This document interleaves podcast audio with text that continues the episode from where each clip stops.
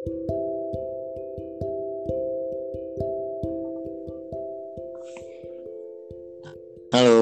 Iya, dengan karamel. iya, Karamel udah cuci muka, udah sikat gigi, udah cuci kaki.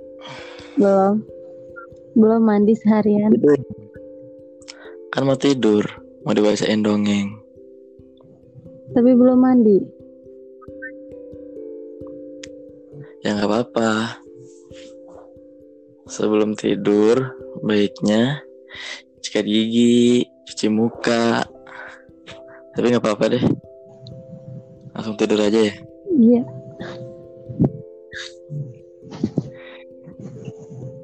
Sudah siap mendengarkan dongeng? siap. Oke, selamat mendengarkan.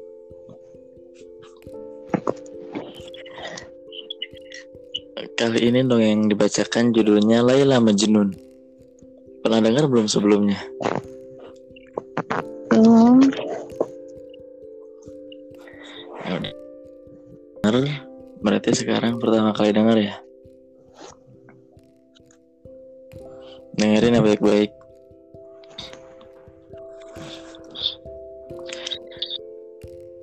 Laila Majnun. Bagian pertama. Al-Kisah Seorang kepala suku Bani Umar di Jazirah Arab Memiliki segala macam yang diinginkan orang Kecuali satu hal bahwa ia tak punya seorang anak pun. Tabib-tabib di desa itu menganjurkan berbagai macam ramuan dan obat Tetapi tetap tidak berhasil. Ketika semua usaha tampak tak berhasil Istrinya menyarankan agar mereka berdua bersujud di hadapan Tuhan dengan tulus memohon ampunan kepada Allah agar memberikan anugerah kepada mereka berdua. Mengapa tidak? Jawab sang kepala suku. Kita telah mencoba berbagai macam cara. Mari kita coba sekali lagi, tak ada ruginya. Dan mereka pun bersujud kepada Tuhan. Sambil berurai air mata, mereka yang terluka, Wahai segala kasih, jangan biarkan pohon kami tak berbuah. Izinkan kami merasakan manisnya menimang anak dalam pelukan kami. Anugerahkan kepada kami tanggung jawab untuk membesarkan seorang manusia yang baik. Berikan kesempatan kepada kami untuk membuatmu bangga akan anak kami. Begitu doa yang diucapkan kepala suku. Tak lama kemudian, doa mereka dikabulkan. Dan Tuhan menganugerahi mereka seorang anak laki-laki yang diberi nama Qais. Sang ayah sangat berbahagia, sebab Qais dicintai oleh semua orang. Ia tampan, bermata besar, dan berambut hitam. Yang menjadi pusat perhatian dan kekaguman, sejak awal, Qais telah memperlihatkan kecerdasan dan kemampuan fisik istimewa. Ia punya bakat luar biasa dalam mempelajari seni berperang dan memainkan musik serta mengubah syair dan melukis. Ketika sudah cukup berumur dan untuk dan cukup umur untuk masuk sekolah, ayahnya memutuskan untuk membangun sebuah sekolah yang indah dengan guru-guru terbaik di Arab. Dan beberapa anak saja yang belajar di situ. Anak-anak lelaki dan perempuan dan keluarga terpandang seluruh jazirah, jazirah Arab belajar di sekolah ini. Di antara mereka ada seorang anak perempuan dari dari kepala suku tetangga, seorang gadis bermata indah yang memiliki kecantikan luar biasa, rambut dan matanya sehitam-hitam malam. Karena alasan inilah mereka menyebutnya Laila Sang Malam. Meski ia baru ber berusia 12 tahun, sudah banyak pria yang melamarnya untuk dinikahi. Sebab, sebagaimana lazimnya kebiasaan di zaman itu, gadis-gadis memang sering dilamar pada usia yang sangat muda, yakni 9 tahun. Nah, dari berjalannya waktu, Laila dan Kois adalah teman sekelas. Sejak hari pertama masuk sekolah, mereka sudah saling tertarik satu sama lain. Seiring berlalunya waktu, percikan ketertarikan ini makin lama menjadi api cinta yang membara. Bagi mereka berdua, sekolah bukan lagi tempat belajar. Kini, sekolah menjadi tempat mereka saling bertemu. Ketika guru sedang mengajar, mereka saling berpandangan. Ketika tiba waktunya menulis pelajaran, mereka justru menulis namanya di atas kertas. Bagi mereka berdua, tak ada teman atau kesenangan lainnya, dunia ini hanyalah milik Kois dan Laila. Mereka buta dan tuli pada yang lainnya. Sedikit demi sedikit, sedikit demi sedikit, orang-orang mulai, mulai mengetahui cinta mereka, dan gunjingan-gunjingan pun mulai terdengar. Di zaman itu, tidaklah pantas seorang gadis dikenal sebagai sasaran cinta seseorang, dan sudah pasti mereka tidak akan menanggapinya. Dan ketika orang tua Laila mendengar, mereka pun melarangnya Laila pergi ke sekolah. Mereka tak sanggup lagi menahan beban malu pada masyarakat sekitar. Ketika Laila tidak ada di ruang kelas, Ois pun menjadi sangat gelisah, sehingga ia meninggalkan sekolah dan menyelusuri jalan-jalan untuk mencari kekasihnya dengan memanggil-manggil namanya. Ia mengubah syair untuknya dan membacakan di jalan-jalan. Ia hanya berbicara tentang Laila, Laila, dan Laila. Dan tidak juga menjawab pertanyaan orang-orang, kecuali bila mereka bertanya tentang Laila. Orang-orang pun tertawa dan berkata, Lihatlah si Kois, ia sekarang telah menjadi seorang majnun, atau yang artinya gila. Nah, di situlah mulai awal mulanya uh, si Kois disebut sebagai majnun. Nah, akhirnya Quraisy dikenal, dikenal dengan nama ini, yakni Majnun. Melihat orang-orang dan mendengarkan mereka berbicara membuat Banjinun tidak tahan. Ia hanya ingin melihat dan berjumpa dengan Laila, yaitu kekasihnya. Ia tahu bahwa Laila telah dipingit oleh orang tuanya. Yang, bijak, yang dengan bijaksana menyadari bahwa jika Laila dibiarkan bebas bepergian, ia pasti akan menjumpai Majnun. Dan Majnun menemukan sebuah tempat di puncak bukit desa Laila dan membangun sebuah gubuk untuk dirinya yang menghadap rumah Laila. Sepanjang hari, Majnun duduk di depan gubuknya. Di samping sungai kecil berkelok yang mengalir ke bawah menuju desa itu. Ia berbicara kepada air, menghanyutkan dedaunan bunga liar, dan Majnun merasa yakin bahwa sungai itu akan menyampaikan pesan cintanya kepada Laila. Ia menyapa burung-burung dan meminta mereka untuk terbang kepada Laila serta memberitahunya bahwa ia dekat.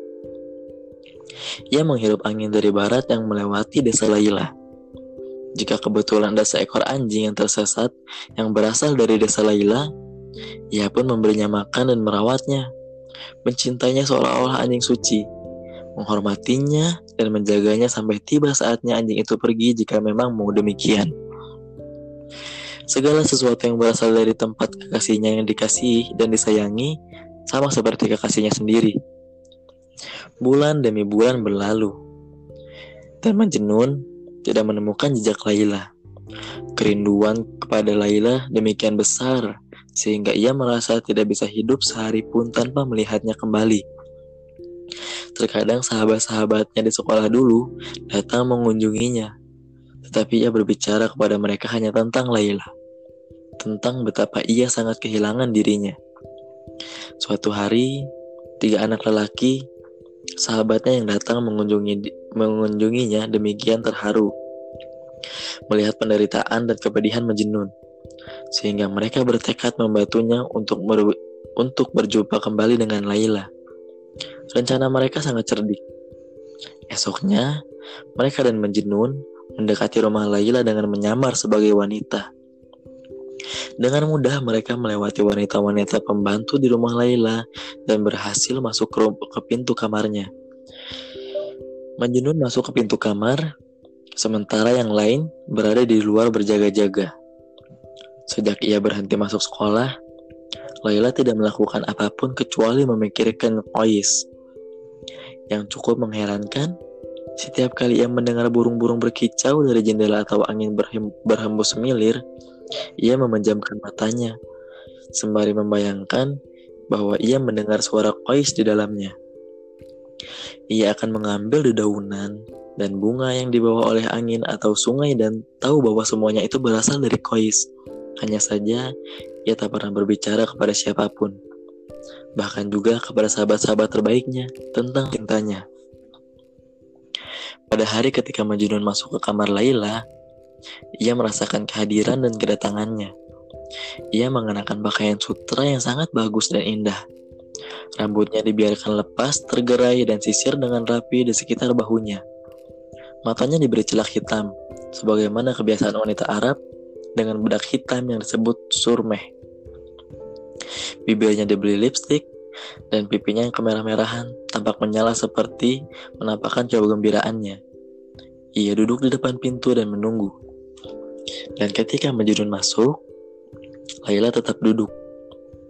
Sekalipun sudah diberitahu bahwa Majnun akan datang, ia tidak percaya bahwa pertemuan itu benar-benar terjadi.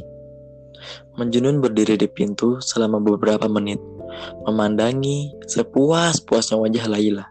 Akhirnya, setelah sekian lama, mereka bersama lagi.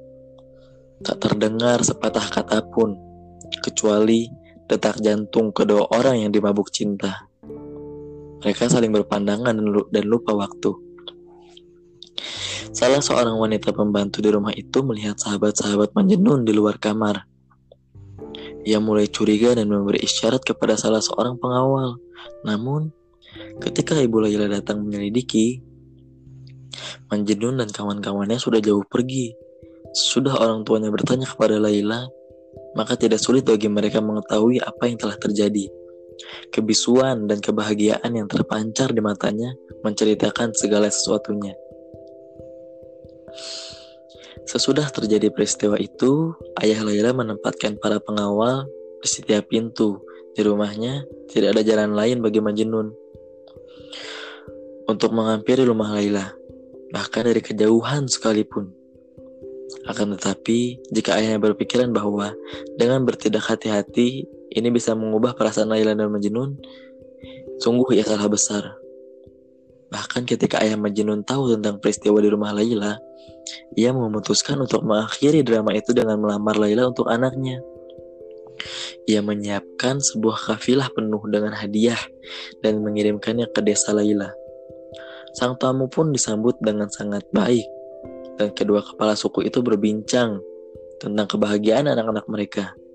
Ayah Manjenun berkata, Engkau tahu benar bahwa ada dua hal yang sangat penting bagi kebahagiaan, yaitu cinta dan kekayaan. Di sini, Laila dilamar oleh lelaki lain yang juga anak kepala suku yang lebih oleh ayah oleh ayah Laila. Namun Laila tetap cintanya kepada Qais atau Majnun. Nah, mungkin bagian pertamanya berakhir di sini dulu.